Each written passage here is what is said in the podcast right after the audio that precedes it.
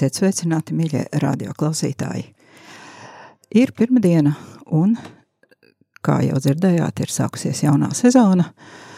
Jau gandrīz nedēļa tā rīt, un beidzot ir pienācis laiks arī raidījumam vairāk tevis manī. Arī mēs ar jums kopā, klausītāji, iesāksim jauno, jau sesto sezonu. Šajā sezonā uh, ar jums kopā būšu es, Sandra Preisa, kā parasti, un ceru, ka sezonas laikā man pievienosies arī daži viesi.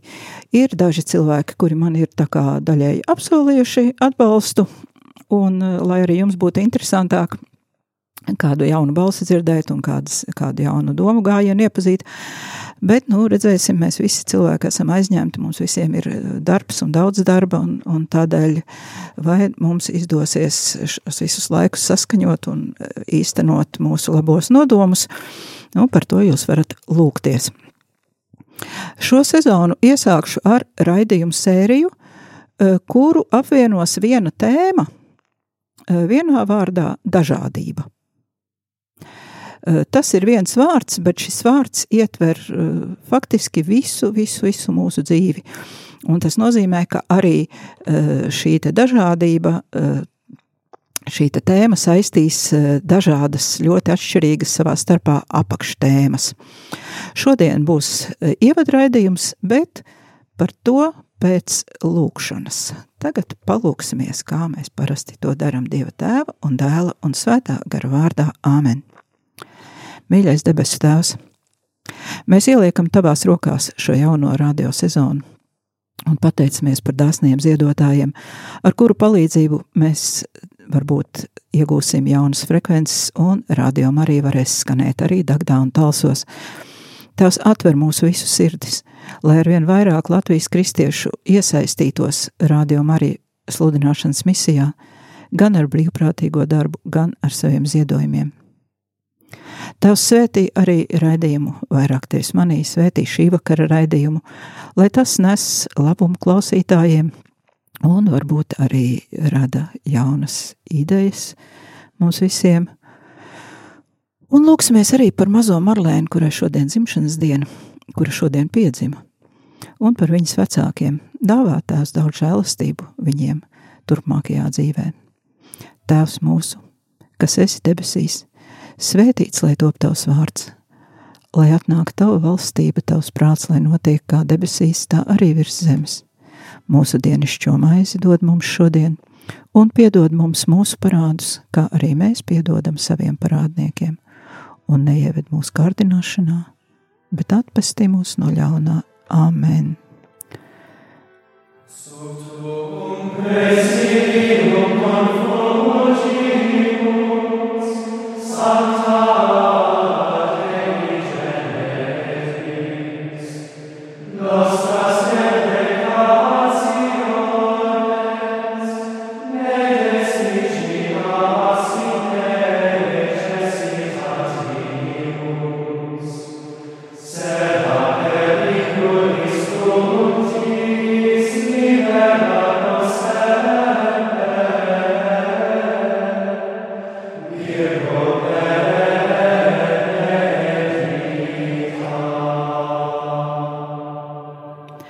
Skan raidījums vairāk tevis manī. Ar jums kopā ēterā es, Sandra Preisa, un šodien ievada raidījums par tēmu dažādība. Vispirms, kāpēc šāda tēmas izvēle? Ideja par šo tēmu nāk no priestera Modra Lāča, Rīgas Terēzes draudzes prāvesta un katoļu ģimnāzijas kapelāna.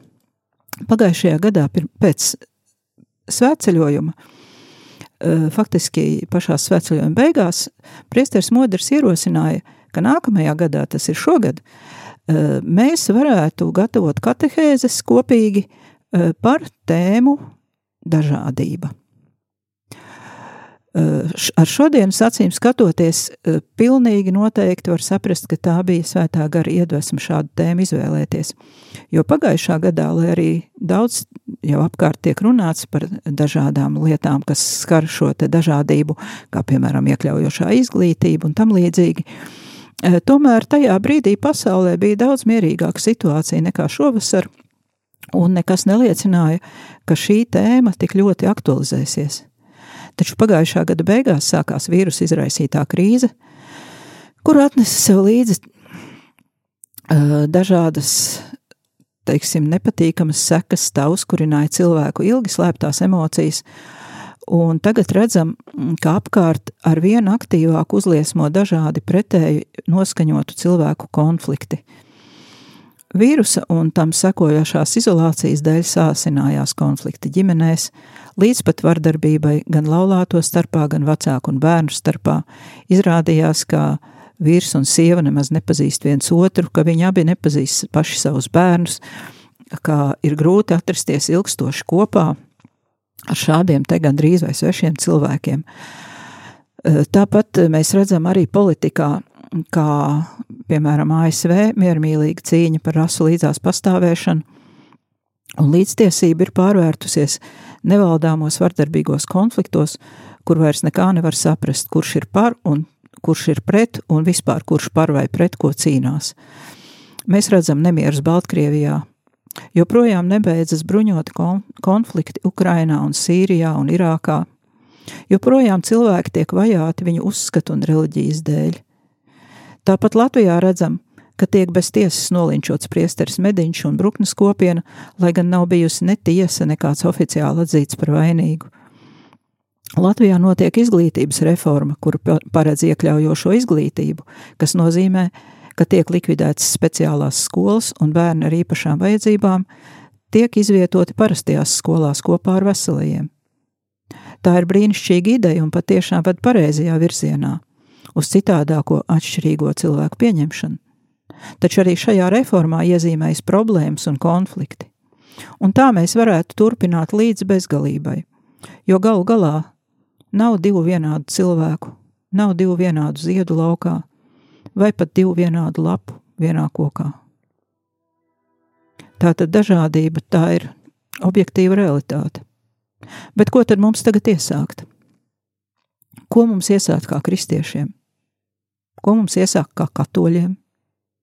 kā vienkārši cilvēciskām būtnēm, kurām ir jādzīvo un jāsadzīvo tajā vietā, kurā Dievs mūs ir nolicis. Un tāpēc šo raidījumu laikā, gan šajā, gan tajos, kas sekos, es aicinu jūs kopā ar mani uzdot jautājumus un meklēt atbildes. Aicinu iesaistīties un zvanīt arī uz studiju. Ja jūs uh, esat kādreiz uz lūkšanām zvanījuši, tad jūs zinat, ka ir tāds telefona numurs 67 969 131.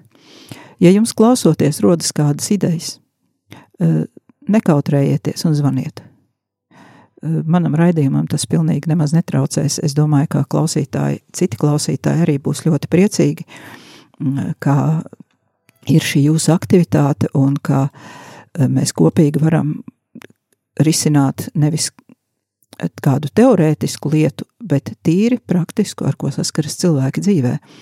Tātad telefona numurs 679, 669, 131. Un droši zvaniet.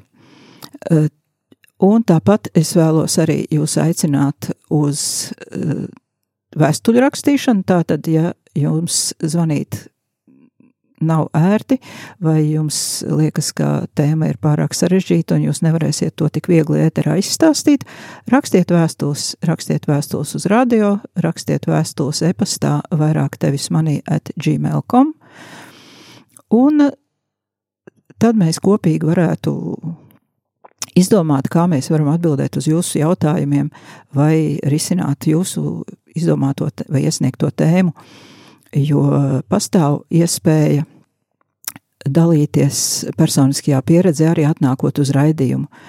Raidījumu skaits par eh, tēmu dažādība nav limitēts.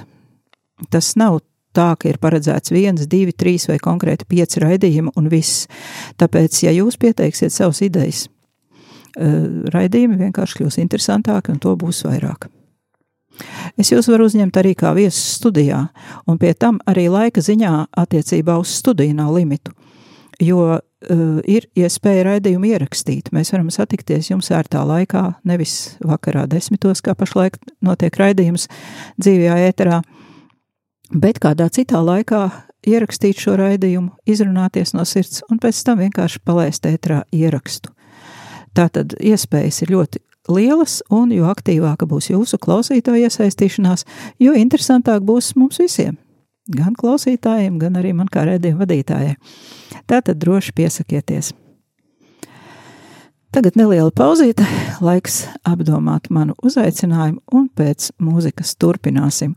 Un lai skan tagad viena Jāņa Lūsēna dziesma, arī mazajai meitenei Marlēnai dzimšanas dienā. Uzliec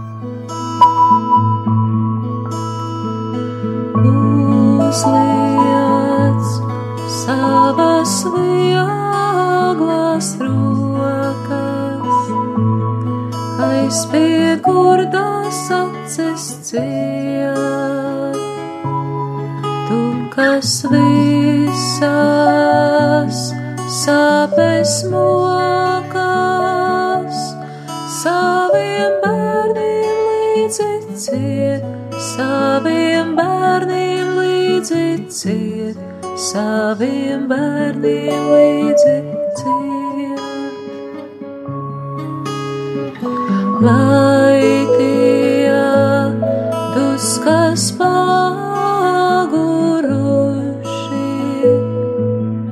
un kam sirdīs misums, tava sirds tak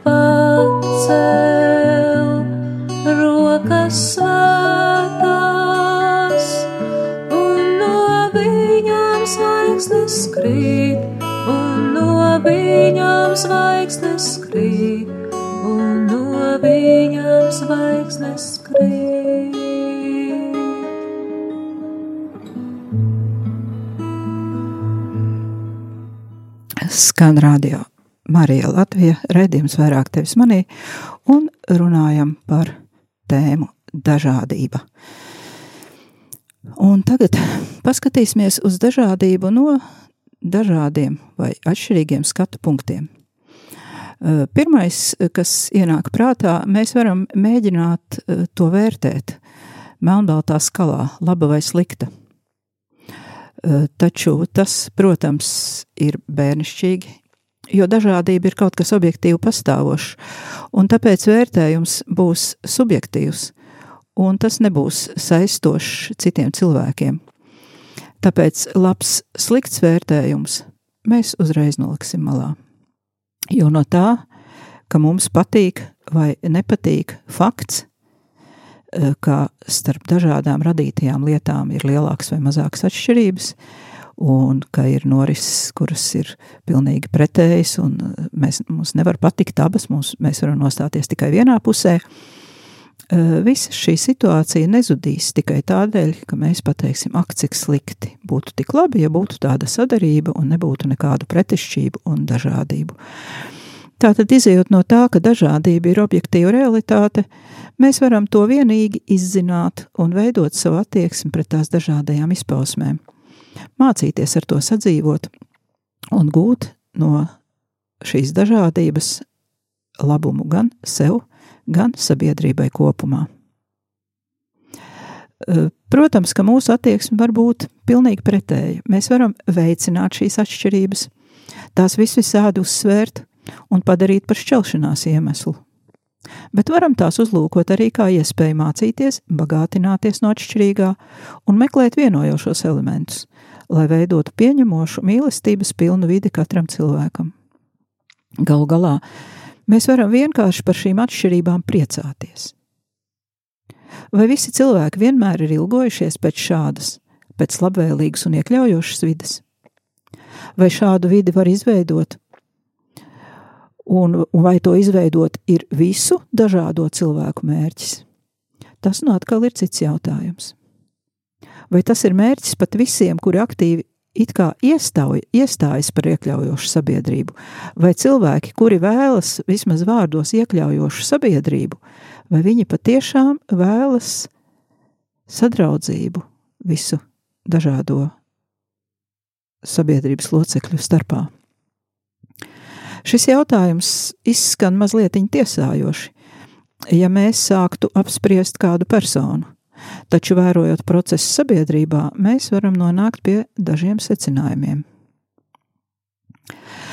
Vai šo mērķi pēc saliedētas un draudzīgas sabiedrības ir iespējams sasniegt šeit virs zemes, cilvēku dzīves laikā? Mēs varam atcerēties situāciju ar Bābeles torni. Cilvēkiem bija tajā laikā vienota valoda, un viņi patiešām bija sasnieguši ļoti augsta līmeņa sadarbību un sadraudzību. Un eh, viņiem labi veicās šī torņa būvēšana. Un mēs labi atceramies, ko Dievs izdarīja.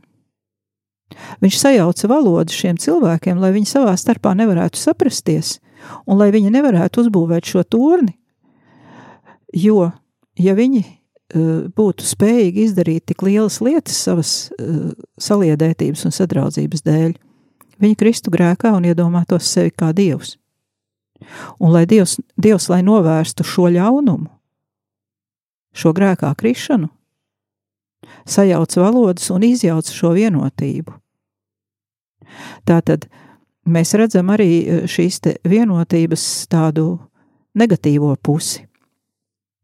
Jo cilvēki, kad viņi uh, ir saliedējušies lielās grupās, viņi sāk justies vareni, viņi pārvērtē sevi, un viņi patiešām var iekrist šeit briesmīgajā lepnības grēkā. Un tādēļ šādai te vienotībai eh, arī ir divas puses, un mēs pat nevaram absolūti uh, tā pateikt, ka tāda vienotība būtu tas labākais, ko cilvēki var sasniegt virs zemes. Eh, ļoti iespējams, ka teorētiski eh, tas ir pats labākais, bet mēs eh, redzam, ka Dievs pazīst cilvēku sirdis, mēs redzam, ka cilvēks tomēr var krist smagā kārdinājumā. Tāpat mēs varam paskatīties arī uz Jēzus dzīvi. Jēzus sludināja mīlestību, Jēzus pats bija mīlestība, visa viņa dzīve bija sludināšana, un tomēr viņš savas zemes dzīves laikā nesasniedza šo vienotību visu cilvēku starpā. Viņam bija ļoti daudz ienaidnieku, un mēs zinām, ar ko tas beidzās. Tas beidzās ar agresiju, ar briesmīgu agresiju attiecībā uz Jēzu un ar Jēzus piesišanu krustā. Tāpat zinām tādu svēto Tomasu Moru. Viņš bija arī filozofs, politiķis, rakstnieks – un viņš ir sarakstījis tādu zinātnisku, politisku fantastiku, tādu satīri, satīrisku uh, darbu, uh, kurš saucas Utopija. Mēs noteikti visi esam dzirdējuši vārdu utopisks, ja mēs pat nezinājām, varbūt kāds, ka ir tāda grāmata utopija, vai nezinājām, ka to ir sarakstījis svētais Tomas Mors, tad vienalga mēs zinām, ka šis te vārds utopisks nozīmē kaut ko tādu, kas nav iespējams kas varbūt ir ļoti, ļoti skaisti fantāzija līmenī, bet nav iespējams. Un tādēļ eh, šis te jautājums par šo ideālo pasauli, par šo ideālo vienotību paliek mums atklāts. Un arī turpmāk raidījumos mēs sapratīsim, ka jautājumi ir daudz vairāk nekā atbilžu. Un tā tad es aicinu šo te fenomenu dažādību nevērtēt kā labu vai sliktu, jo tas laikam būs ārpus cilvēka spējām novērtēt to uh, objektīvi. Taču paši jēdzieni labs un ļauns vai labs un slikts arī norāda uz zināmu dažādību. Uh, svētajos rakstos uh, vēstulē romiešiem 12. nodaļā arī ārkārtīgi interesanti ir stāstīts par dažādību. Un es tagad nolasīšu pilnu fragmentu, jo es gribēju tur tikai kādu daļiņu nolasīt, bet es domāju, jums Bībele noteikti nebūs pie rokas no galvas, diez vai mēs viņu visu šo fragmentu zinām, tādēļ noklausīsimies. Tātad vēstule romiešiem 12. nodaļa sākot ar otro pantu. Un netopiet šai pasaulē līdzīgi, bet pārvērtieties, atjaunodamies savā garā, lai pareizi saprastu, kas ir Dieva griba, to, kas ir labs, tīkams un pilnīgs. Tad nu es ieteicu ikvienam starp jums tā žēlastības vārdā, kas man dota. Netiekties pāri noliktajam, bet censties sevi apvaldīt saskaņā ar to ticības mēru, ko Dievs katram ir piešķīris. Jo kā mums vienā miesā ir daudz locekļu, bet ne visiem locekļiem ir vienāds uzdevums. Tāpat mēs daudzi kopā esam viena miesa Kristū bet savā starpā mēs visi esam locekļi.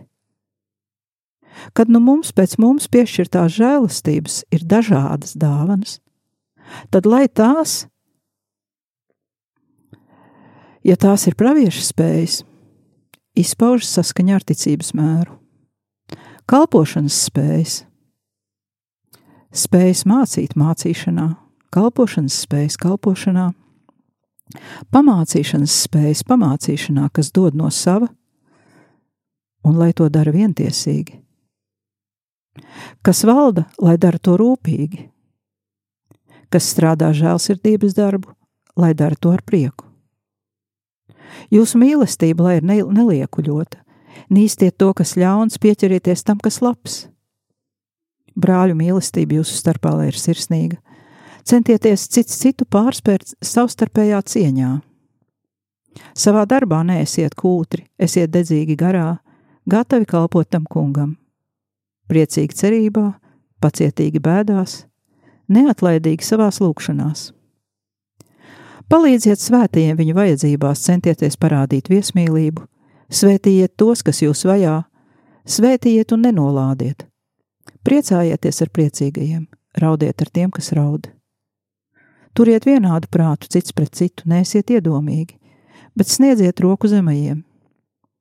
Neliecieties paši gudri esam.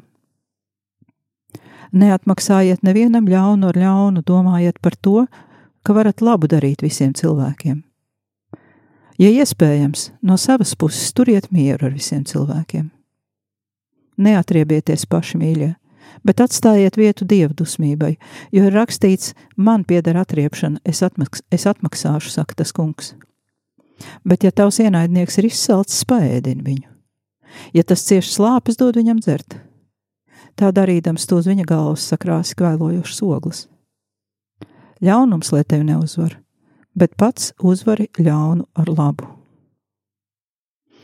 Lūk, tik bagāts ir šis te fragments, ka par to mēs varētu veselu nedēļu analizēt un runāt katru pamācību, katru teikumu atsevišķi. Nu, šobrīd mēs to nedarīsim. Varbūt, ka kādreiz, ja mums kāds priesteris atnāks, kurš, kuram ir laba teoloģiskā izglītība svētajos rakstos, tad viņš noteikti mums varētu pastāstīt ļoti daudz, bet ko mēs varam tā Eh, visā šajā fragmentā sadzirdēt, sajust. Eh, mēs dzirdam, ka pati par sevi dažādība noteikti nav ļaunums, bet drīzāk labums. Jo mēs redzam, ka mums, kā kristiešiem, ir jāpapildina viens otru, un nav tā, ka mums katram ir visas dāvanas, tā dieva gudrība ir tieši tajā, ka, lai mūsu mīlestība būtu savstarpēja, mums ir jābūt viens otram vajadzīgiem, un vienam otrs jāpapildina. Tātad dažādība ir labums, jo šī dažādība mūs patiesībā vieno. Jo mēs varam katrs gūt no otra cilvēka to, kā mums nav, un savukārt dot viņam to, kā nav viņam. Un šī dažādība mūs patiesībā padara labākus. Tā māca mūs dalīties. Taču mēs redzam arī, ka visas dažādas lietas un darbības nav vienādi vērtīgas, ka tomēr var būt arī ļaunas un labas darbības, ļaunas un labas lietas. Un ir jābūt ļoti labai izšķiršanas spējai, lai mēs konkrētajā gadījumā spētu pareizi izvērtēt. Šajā fragmentā mēs redzam skaidri to nostāju, kādu ša, šajā dažādībā būtu jāieņem kristietim. Tomēr, ja iedziļināmies dažādās norisēs pasaulē, tad mēs redzam, ka cilvēki nespēja līdz galam izdomāt savas rīcības sekas. Tāpēc sākumā iedomātais labums galu galā var pārvērsties briesmīgā ļaunumā. Nu, man gribas dot piemēru no Eh, patreiz no tā, kas notiek ASV, jo es eh, diezgan nopietni sekoju eh, šie, šīm politiskajām norisēm. Amerikas Savienotajās valstīs, sekoju Amerikas avotiem, jo ir tā, ka Amerikai ir ārkārtīgi liels iespējas visas pasaules situācijā un politikā, un tas, kas notiek tur, agri vai vēlu, kaut kādā veidā atbalsosies gan Latvijā, gan Eiropā, gan jebkurā pasaules valstī. Lūk, un eh, kas tad tur tagad notiek? Eh, mēs visi zinām, ka tas ir taisnīgi, ka cilvēkus nedrīkstētu dalīt pēc ārējām pazīmēm, pēc rases, tautības, dzimuma, vecuma, veselības stāvokļa un tam līdzīgi. Taču mēs zinām arī, ka ASV uh, eh, pastāvēja verdzība, ka ilgus gadus cilvēki ar atšķirīgu ādas krāsu tika uzskatīti par zemākiem nekā baltie. Tas bija liels ļaunums attiecībā uz šiem cilvēkiem. Tāpēc tas ir taisnīgi, ka šobrīd visā pasaulē tiek pieprasīts šo netaisnību labot. Taču daudzi no šiem taisnības cīnītājiem paši sāk rīkoties netaisnīgi. Viņi izlaupa veikalus, dedzina īpašumus, nogalina cilvēkus. Pie tam šie protestētāji iznīcina arī krāsaino cilvēku īpašumus un uzņēmumus, tādā veidā daudziem atņemot vienīgos iztiks līdzekļus. Apšaudēs ir nogalināti vairāki afroamerikāņu jaunieši un bērni, pat viens mazs pusotru gadu vecs puisītis. Un protesti daudz vietu pārvēršas vienkāršās laupīšanās un bandītismā. Savukārt valsts vara tiek nostādīta divdomīgā situācijā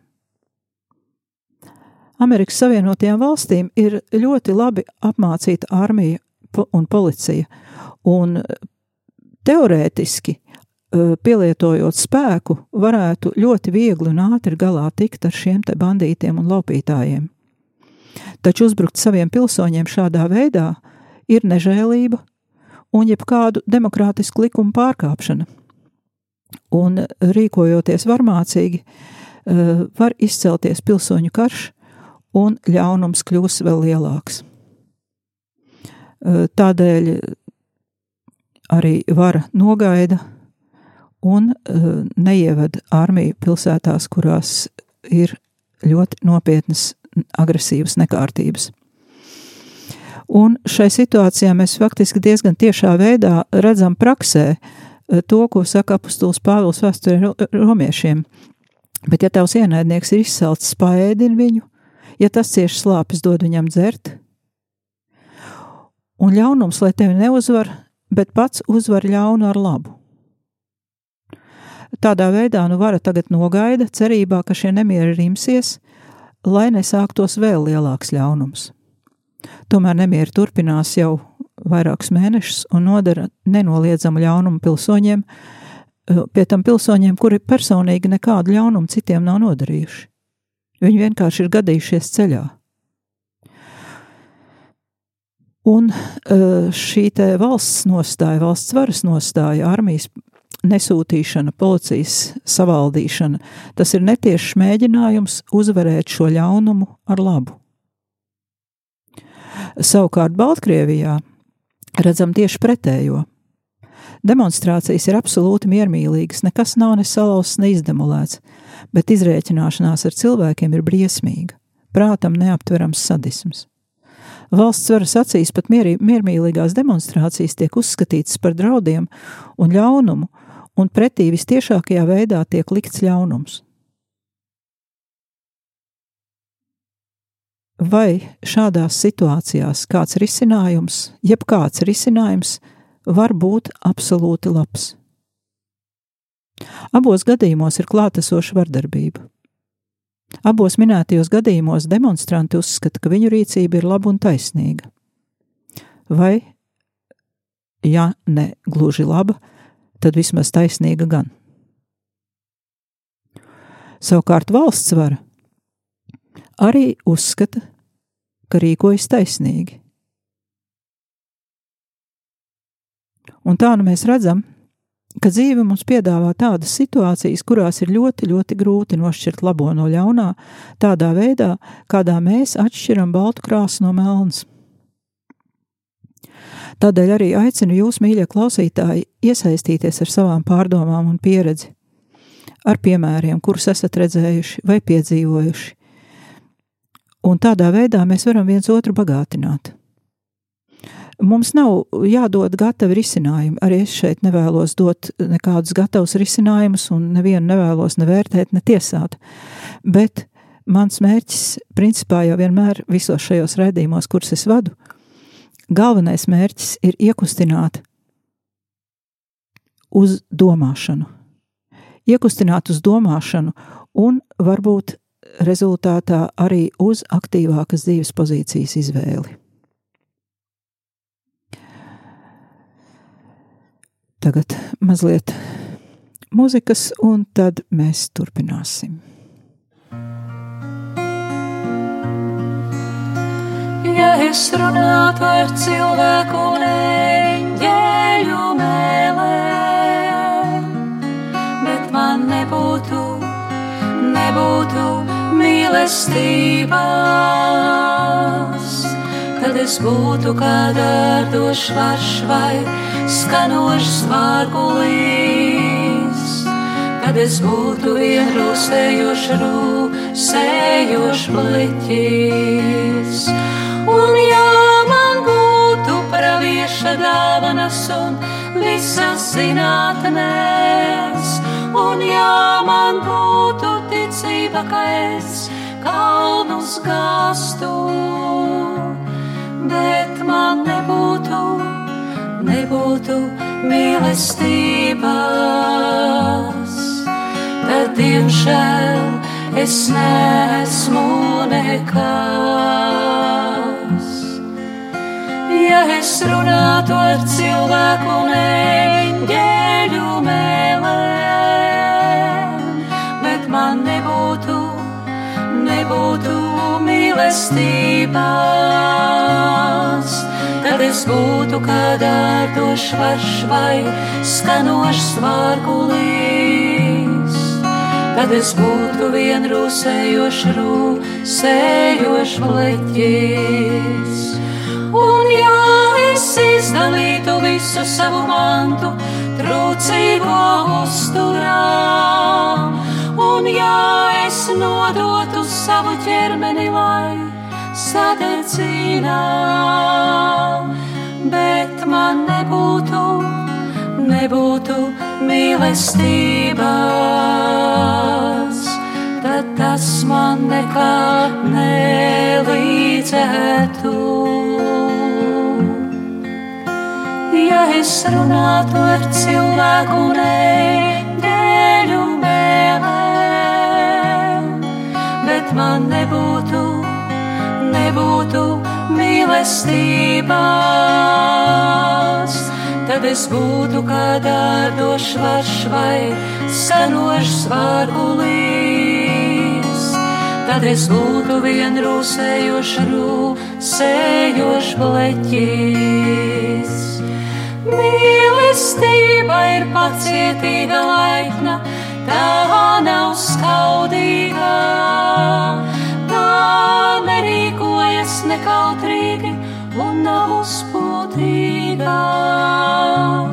Tā nav godkārīga, nedzenās pēc savā. Tā nedusmojas un nedomā ļaunu. Ja es runātu ar cilvēku neņģeļu nebūtu, nebūtu mīlestības,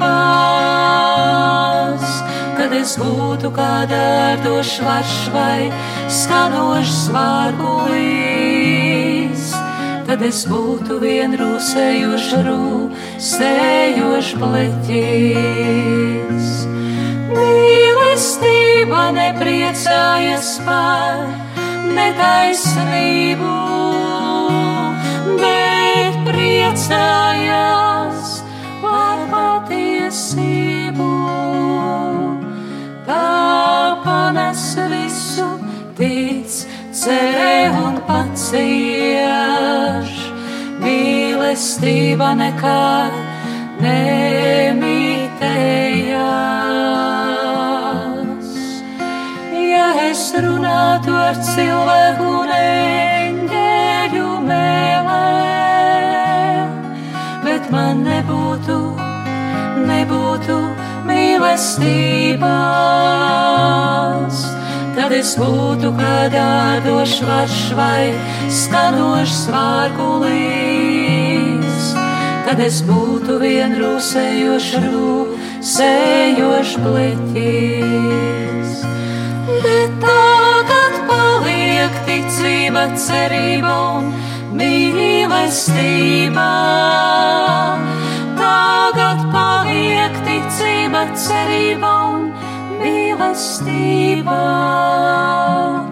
Bet lielākā no tām ir mīlestība.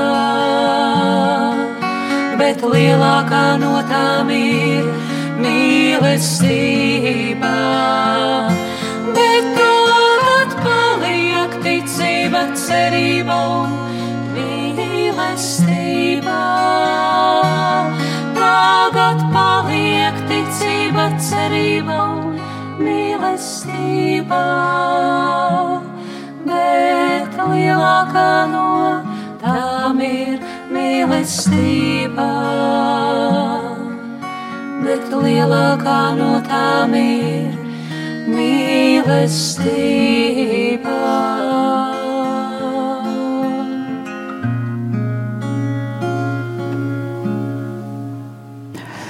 Nu, lūk, dzirdējām arī atbildi, kā tad mums patiesībā vajadzētu rīkoties, bet kā jau iepriekš arī eh, sapratām, ka atbilde jau mums ir skaidra, bet dzīve ienes savas korekcijas, un dzīve ir daudz sarežģītāka nekā eh, grāmatas, nekā teorija, nekā pamācības. Un ko tad mums, kristiešiem, darīt? Bēgt, bēgt no šīs pasaules, neiesaistīties politikā, aizvērt acis, paslēpt galvu smiltīs kā strausam un izlikties, ka tas viss uz mums neatiecas vai arī otrādi mesties cīņā un jebkādiem līdzekļiem obligātā veidā pārtaisīt pasauli tādu, kāda mums liekas laba. Nu, jūs jau saprotat, ka šīs abas, abi varianti, abas šīs idejas ir vienlīdz muļķīgas.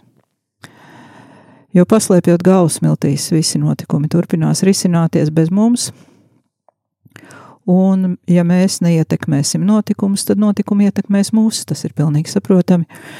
Bet arī labu cilvēku mēģinājumi piespiest citus būt labiem, vai piespiest citus darīt tā, kā viņiem liekas, ka ir labi. Arī pasaules vēsturē, ja mēs paskatāmies, nekad nav beigušies ar kaut ko tiešām labu.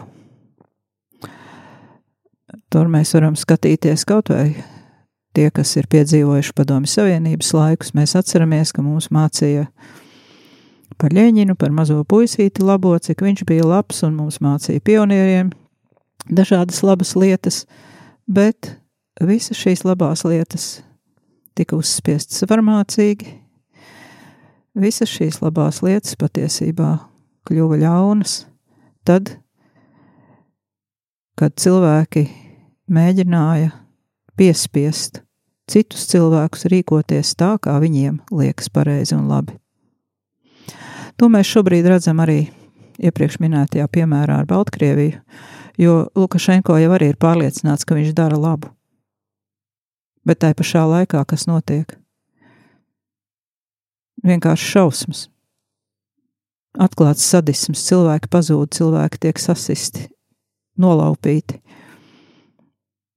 Vai tas ir labums? Tāpat uh, arī skatoties uz ASV, vai ir labi aplaupīt cilvēkus, kuri visu savu mūžu ir strādājuši, lai varētu uzturēt ģimeni. Un tomēr e, šī demokrātijas atbilde uz varmācību, šī faktiski cenšanās neapturēt varmācību ar varmācību, iespēju robežās, tomēr izskatās daudz simpātiskāk par to, ko dara Baltkrievijas prezidents šobrīd. Nu, jāsaka tā, ka ASV ir liela valsts un viņa politika ir ļoti sarežģīta. Šobrīd notiek priekšvēlēšana cīņa. Abas partijas, gan republikāņi, gan demokrāti, sola pretējas lietas, un abi divi saka, ka no šīm lietām būs labums tautai. Abi divi, abas puses visādā veidā pazemo pretiniekus un izsmeja un cīņa patiešām ir nežēlīga, un kas nu tur būs, to mēs redzēsim pēc vēlēšanām. Tā kā prognozēt vai spriest, kas ir labi, kas ir slikti, ir grūti, bet mēs vienkārši uz šiem paraugiem redzam, ka situācija dzīvē, reālajā dzīvē patiešām nav vienkārši izvērtējama. Bet tad atgriežoties pie tā, ko tad mums kristiešiem darīt? Vai bēgt Un mēs varam paskatīties, kā Jēzus lūdzas par mums. Jāņa Evanģēlijas 17 no 9. panta, ko Jēzus saka. Es lūdzu par viņiem. Es nelūdzu par pasauli, bet par tiem, ko tu man esi devis, jo viņi ir tavi. Un viss, kas ir mans, ir tavs, un kas ir tavs, ir mans. Un es esmu apskaidrots viņos Es vairs neesmu pasaulē, bet viņi ir pasaulē. Un es eju pie tevis, svētais tēvs, uztur to savā vārdā, ko tu man esi devis, lai viņi ir viens, itin kā mēs. Kamēr es biju pie viņiem, es tos uzturēju savā vārdā, ko tu man esi devis, un pasargāju tos, ka neviens nav pazudis kā viņa pazušanas dēls, lai raksti piepildītos. Bet tagad es eju pie tevis, un par to es runāju pasaulē, lai mans prieks viņos būtu pilnīgs. Tavus vārdus es viņiem esmu devis, un pasaule viņus ir ienīdusi, tāpēc, ka viņi nav no pasaules, tāpat kā es neesmu no pasaules. Es nelūdzu tevi, lai tu viņus paņemtu no pasaules, bet lai tu viņus pasargātu no ļauna. Lūk, eh, kur Jēzus faktiski šais vārdos dod atbildi. Eh, mums nav jātop pasargātiem no visa tā, kas pasaulē notiek. Mums nav jāpagriež muguru pasaulē un jāizliekas, ka tas uz mums neatiecas. Bet mums ir jālūdz Dievs, lai Viņš mums dod izšķiršanas spēju, un lai mēs iespēju robežās, cik tas no mums ir atkarīgs, eh, neiesaistītos ļaunās lietās. Ja mēs gribam kaut kur iza, iz, iesaistīties, izvērtēsim to, kā ir tas senais eh, tautas teiciens, eh, septiņreiz nomēri un vienreiz nogriez. Lūk, izvērtēsim, neiesaistīsimies ļaunumā, bet dzīvosim pasaulē, pasaules vidū un būsim par tiem, kas spīd tā kā svece tumšā istabā. Tātad no visiem šiem piemēriem, gan no Bībeles, gan runājot par utopiju, par Tomasu Moru, gan runājot par mūsdienām, par mūsdienu politiku un situāciju, kas notiek mums visapkārt, redzam, ka šī tēma par dažādību un kā šo dažādību uh, integrēt tā, lai uh, cilvēkiem, visai sabiedrībai un katram vienam cilvēkam būtu objektīvs labums no tā. Šis jautājums, šī tēma vienmēr ir bijusi aktuāla un tas nekad nav bijis viegli. Un visos laikos ir bijis vairāk jautājumu nekā atbilžu. Lūk, dažas atbildes mēs saņēmām no svēto rakstu fragmentiem. Šīs atbildes ir tādā ideālā situācijā izpildāmas, bet mēs redzam, ka mēs nedzīvojam ideālā pasaulē.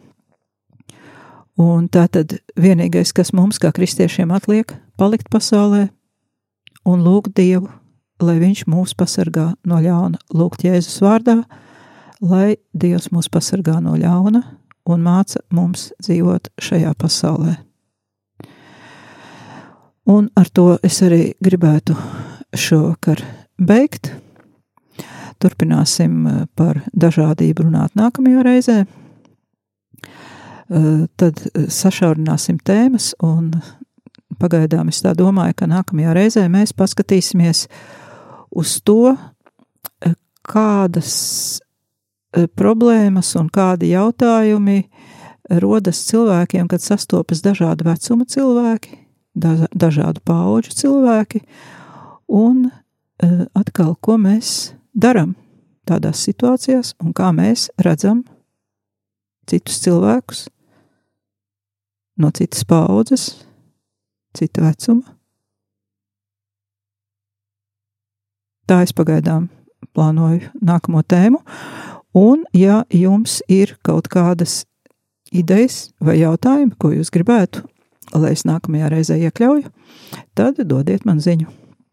Kā jau teicu, varat rakstīt vēstules uz radio studiju, papīra vēstules sūtīt pa pastu, vai arī rakstiet e-pastā vairāk tevis manī at gmail.com vai arī Facebook lapā kas lieto Facebook. Facebookā ir lapa vairāk tevis manī, raidījums vairāk tevis manī saucas, un arī šajā lapā jūs varat atstāt vēstulītes man.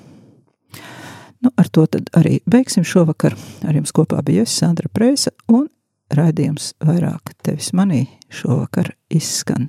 Lai Dievs svētī jums visu nākamo nedēļu!